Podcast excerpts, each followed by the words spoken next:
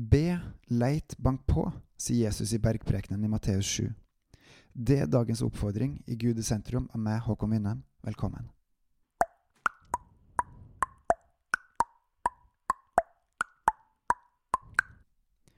Bergprekenen er utfordrende på mange måter, og også full av håp. Den er til jøder der og da, men den er også til oss alle, sett ut ifra jødisk ståsted. Den er ikke noe mindre av den grunn, men heller større.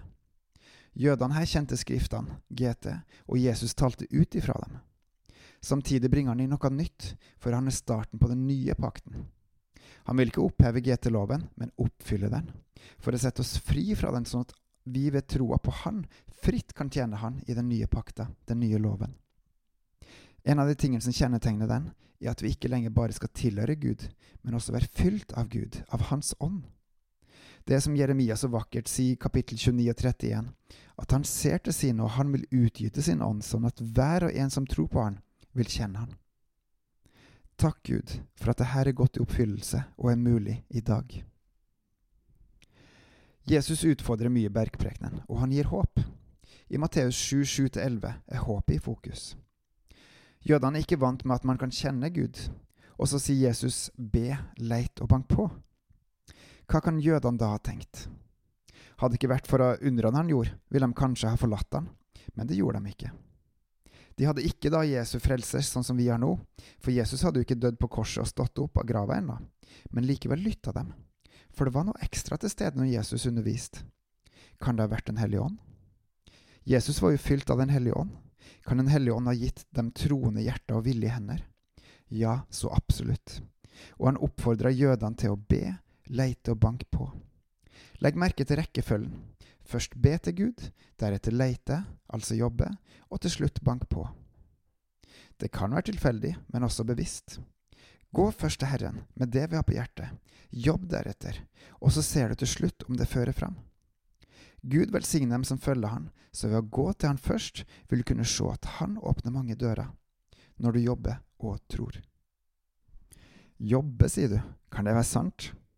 I resten av kapitlet står det 1. Den gylne regel, 2. Falske profeter, 3. Falske disipler, og til slutt 4. Hus bygd på sand og fjell. Hva har de til felles? Jo, at det handler om å følge Gud, det Han sier ved sin ånd til oss, og så lev det, gjør det, praktiser det, søk det, jag etter det, ja, strekk seg etter det for at vi skal følge Han. Det er mange nok kristne som ærer Gud med munnen og ikke hjertet og dermed ikke blir frelst, faktisk. Og så lover Jesus samtidig at den som ber, leiter og banker på, den skal få, finne og bli lukka opp for.